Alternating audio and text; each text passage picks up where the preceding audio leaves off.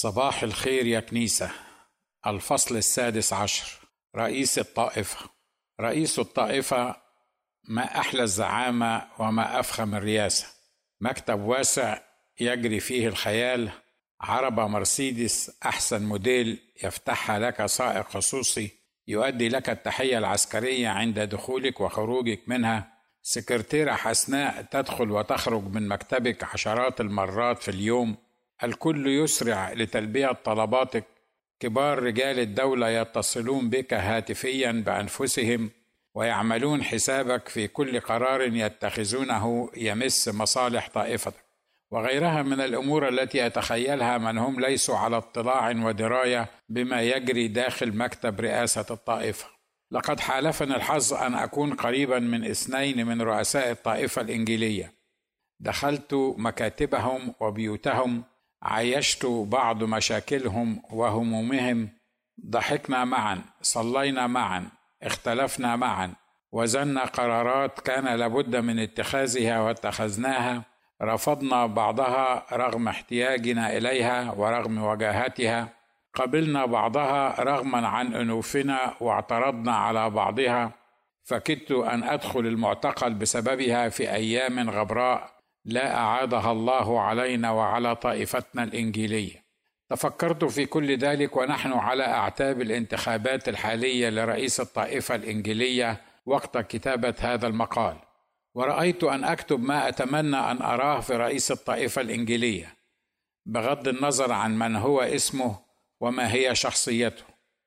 وليس معنى هذا أن ما أتمنى أن أراه لا يتوفر على الأقل بعضه في المرشحين لرئاسة الطائفة. لكن هذا ما أحلم أن أراه في رئيس الطائفة الإنجيلية في مصر البلد العريقه التي لها دور الريادة في المسيحية الإنجيلية للناطقين بالعربية. إن أول ما أتمنى أن أراه في رئيس الطائفة هو أن يكون صاحب رؤية حقيقية تسلمها من السيد الرب يسوع المسيح للكنيسة في مصر والعالم العربي. رؤيه لا تتشكل وتتعدل وتتغير وفقا للحالة الأمنية في البلاد ورضاء الحاكم من عدمه ونشاط الجماعات الإسلامية المعادية لكنيسة الله. بل هي رؤيه واضحة بسيطة يمكن كتابتها ومشاركتها مع قادة الكنيسة الإنجيلية وشعبها ليعلم الجميع إلى أين ستذهب الكنيسة الإنجيلية في مصر والوطن العربي في ضوء المتغيرات والأحداث العربية والعالمية. وبالطبع فأنا لست أنكر أن العوامل سابقة الذكر لا يمكن أن نغفلها أو نقلل من حجمها وتأثيرها لكنها لا ينبغي أن تتعدى كونها القالب الذي تصب فيه الرؤية التي تظل ثابتة وواضحة ومعلنة ومكتوبة ومتفق عليها من قادة وشيوخ الانجيليين في العالم العربي. وللتدليل على ذلك أقول إن الرؤية التي تسلمها تلاميذ المسيح في الكنيسة الأولى كانت واضحة وبسيطة. قال لهم تبارك اسمه قبل صعوده للسماء اذهبوا للعالم أجمع واكرزوا بالإنجيل للخليقة كلها. مع علمه أن اليهود قصاة الرقاب والقلوب والعقول يؤمنون أنهم خير أمة أخرجت للناس وأن الدين عند الله دينهم. وأن النصارى في الدرك الأسفل من سعير أعده المولى للكافرين لكن لم يثنيه كل هذا. تبارك اسمه. عن أن يطالبهم بأن يذهبوا للعالم أجمع وينادوا بالإنجيل للخليقة كلها. ومع علمه جل شأنه. أن النصارى التلاميذ كانوا نفرا قليلا لا حول لهم ولا قوة وليس لهم إمكانيات مادية أو اجتماعية أو نفسية لتحقيق هذا التكليف ومع علمه أيضا أن حكومات العالم وزعمائه والجماعات المختلفة المتطرفة والمعتدلة كانت ضدهم إلا أنه حدد لهم ما ينبغي أن يعملوه وقد تمموه تحدوا حكومات هزموا ممالك ملوكا وقادة أطفأوا قوة النار هزموا جيوشا غرباء أطاحوا بإمبراطوريات وديكتاتوريات على مر الأزمنة والأوقات ولم يحيدوا عن الرؤية بسبب كل هذه الانتصارات. جالوا في جلود غنم وجلود معزة مذلين مطرودين جلدوا نشروا رجموا لكنهم لم يحيدوا عن رؤيتهم وتتميم ما كلفهم به سيد الأرض والسماء بسبب هذا الاضطهاد. نعم فرئيس الطائفة يجب أن يعلن للعامة عن رؤيته للمستقبل. تلك التي ينبغي أن يكون قد تسلمها من الله. ومع إيماني بأن طريقة الانتخابات برفع الأيدي أو كتابة الأصوات وما يصاحبها في بعض الأوقات والأحوال من أساليب رخيصة في كسب تأييد الناخبين وشراء أصواتهم طريقة غير كتابية ولا ينبغي أن تمارس في كنيسة الله التي اقتناها المسيح بدمه.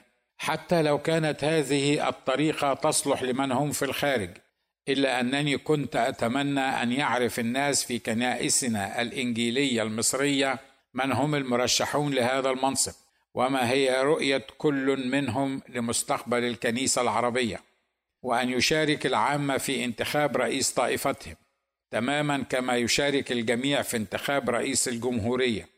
ولعل القارئ يريد أن يعرف ما هي الطريقة الكتابية لإجراء الانتخابات لرئاسة الطائفة على الأقل من وجهة نظري الخاصة.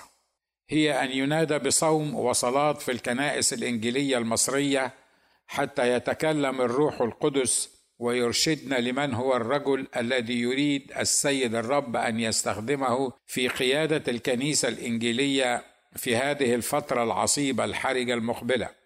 فلو اتبعت الكنيسة هذه الطريقة الأخيرة لما كان هناك ناخبون ومرشحون بل مصلون خاضعون لصوت المولى ومنفذون لإرادته. لابد لنا أن نربي جيلا من الشباب يشترك في اختيار قسيسه وشيوخه وقادته ومجلسه الملي الذي سيواجه من التحديات في الأيام القادمة ما لم يواجهه طوال حياته على الأرض. ولا يكفي أن يكون لدى رئيس الطائفة رؤية سماوية فحسب بل برنامج واضح محدد للإصلاح والتنمية والبناء والتبشير والكرازة بالإنجيل للخليقة كلها. فلقد كان التلاميذ في القديم يعلمون أن الحكومات المختلفة تقف ضدهم وتضطهدهم بسبب تبشيرهم وكرازتهم ومناداتهم في الرب يسوع المسيح بالقيامة من الأموات. وكم من مرة ألقت الحكومة اليهودية متمثلة في الكتبة والفريسيين والكهنة القبض على التلاميذ ووضعتهم في الحبس لأن التبشير كان ممنوعا بالقانون في تلك البلاد لكن هذا لم يوقف كرازتهم وتبشيرهم. فليس من المهم أن يكون التبشير مصرحا به أو مخالفا للقانون. فالتبشير والكرازة ركن من أركان المسيحية الأساسية. بل قل هو أهم أركان المسيحية على الإطلاق فينبغي أن يطاع الله أكثر من الناس. ويكفينا أن تبشيرنا وكرازتنا ليست بالقهر والقصر والإجبار بل بالموعظة الحسنة لمن له أذن للسمع. فمهمتنا التي تسلمناها من سيدنا وسيد كل الخلق أن نبشر ونكرز بالمسيح مصلوبا وفاديا وغافرا للخطايا والذنوب ومنقذا من عذاب القبر والنار. فمن سمع وأطاع أحسن إلى نفسه ومن عصى وتمرد فقد ساء إليها. أما ثاني ما أتمنى أن أراه في رئيس الطائفة فهو الدفاع عن الطائفة واتخاذ مواقف محددة تجاه العديد من الموضوعات والقضايا الكنسية والعامة. ففي عالم كهذا الذي نعيش فيه لا بد من تحديد الاتجاهات والمواقف لا بد له أن يكون محدد المعالم والشخصية. فكنت أتمنى أن أسمع من المرشحين لرئاسة الطائفة ما هو موقفهم من مسألة خطف وأسلمة القاصرات. ما هو موقفهم من غلق وهدم الكنائس. ماذا عندهم لحل مشكلة ترميم وتصليح المباني الكنسية؟ ماذا عن فتح الكنائس المغلقة؟ وماذا عن تراخيص بناء وإصلاح كنائس جديدة؟ ماذا عن الحصول على تراخيص للجرائد والمجلات المسيحية وغيرها من الموضوعات التي تحتاج إلى حل جذري؟ إن رئيس الطائفة هو الشخص الذي لابد أن يقول لا يحل لك عند الاعتداء على حق المسيحيين في بلادهم حتى ولو أدى ذلك إلى قطع رقبته كما قطعت رقبة يوحنا المعمدان بسبب وقوفه في وجه الملك وعدم موافقته على الشر فقطع الرقاب أشرف وأكرم من العيش في الذل والمهانة. وقطع رقبة واحدة سيثمر عشرات الرقاب التي ستحمل المسؤولية وتتمم العمل. أتمنى أن يعرف رئيس الطائفة حدود علاقته برجال الحكومة والبوليس ورجال الأزهر وقادة الكنائس الأخرى وغيرهم من القطاعات المؤثرة في صنع القرار. فلقد عشنا سنين من حياتنا كل أفعالنا هي ردود أفعال لمن حولنا وحتى هذا لم ننجح فيه على الإطلاق. لقد حان الوقت أن يرسل الله لنا موسى الذي يستطيع أن يدخل إلى الفرعون ويقول له اطلق شعبي ليعبدوني. وموسى هذا لم يكن له من القوة أو السلطان أن يتكلم مع فرعون. موسى هذا كان وشعبه عبيدا لدى فرعون يسخرهم في بناء مملكته. لم يكن لدى موسى ما يخيف الفرعون ليطلق شعب الله ليعبدوه وحده لا سواه. لم يكن معه سوى عصاه وما هي العصا أمام قوة الفرعون ونظامه وجيشه وأجهزة أمنه وشعبه الذي لم يكن يعترف بدين موسى ولا بإلهه. نحتاج إلى رئيس للطائفة يحمل عصا الله في يده. فبعد أن فشلت عصا الأرثوذكسية والإنجيلية والكاثوليكية في تغيير الأمور وإطلاق شعب الله في الحرية حان الوقت الآن لاستخدام عصا الله. فهي وحدها القادرة على شق البحر الأحمر أمام شعبه. ومن يفكر أو يتخيل أنه يتبعهم ويستمر في إمساكهم وإذلالهم واستعبادهم متكلا على كثرة عدده وقوة جيشه ومركباته الحربية لابد له أن يختبر ما اختبره فرعون القديم. فالمولى لقادر على أن يحل عجل مركباته ويزعج جيشه. وإن لم يتعظ ستكون اليابسة التي عبر عليها شعب الله هي قبره الذي سيضمه وجيشه إلى الأبد. نحتاج إلى رئيس للطائفة لا يجهل أفكار إبليس.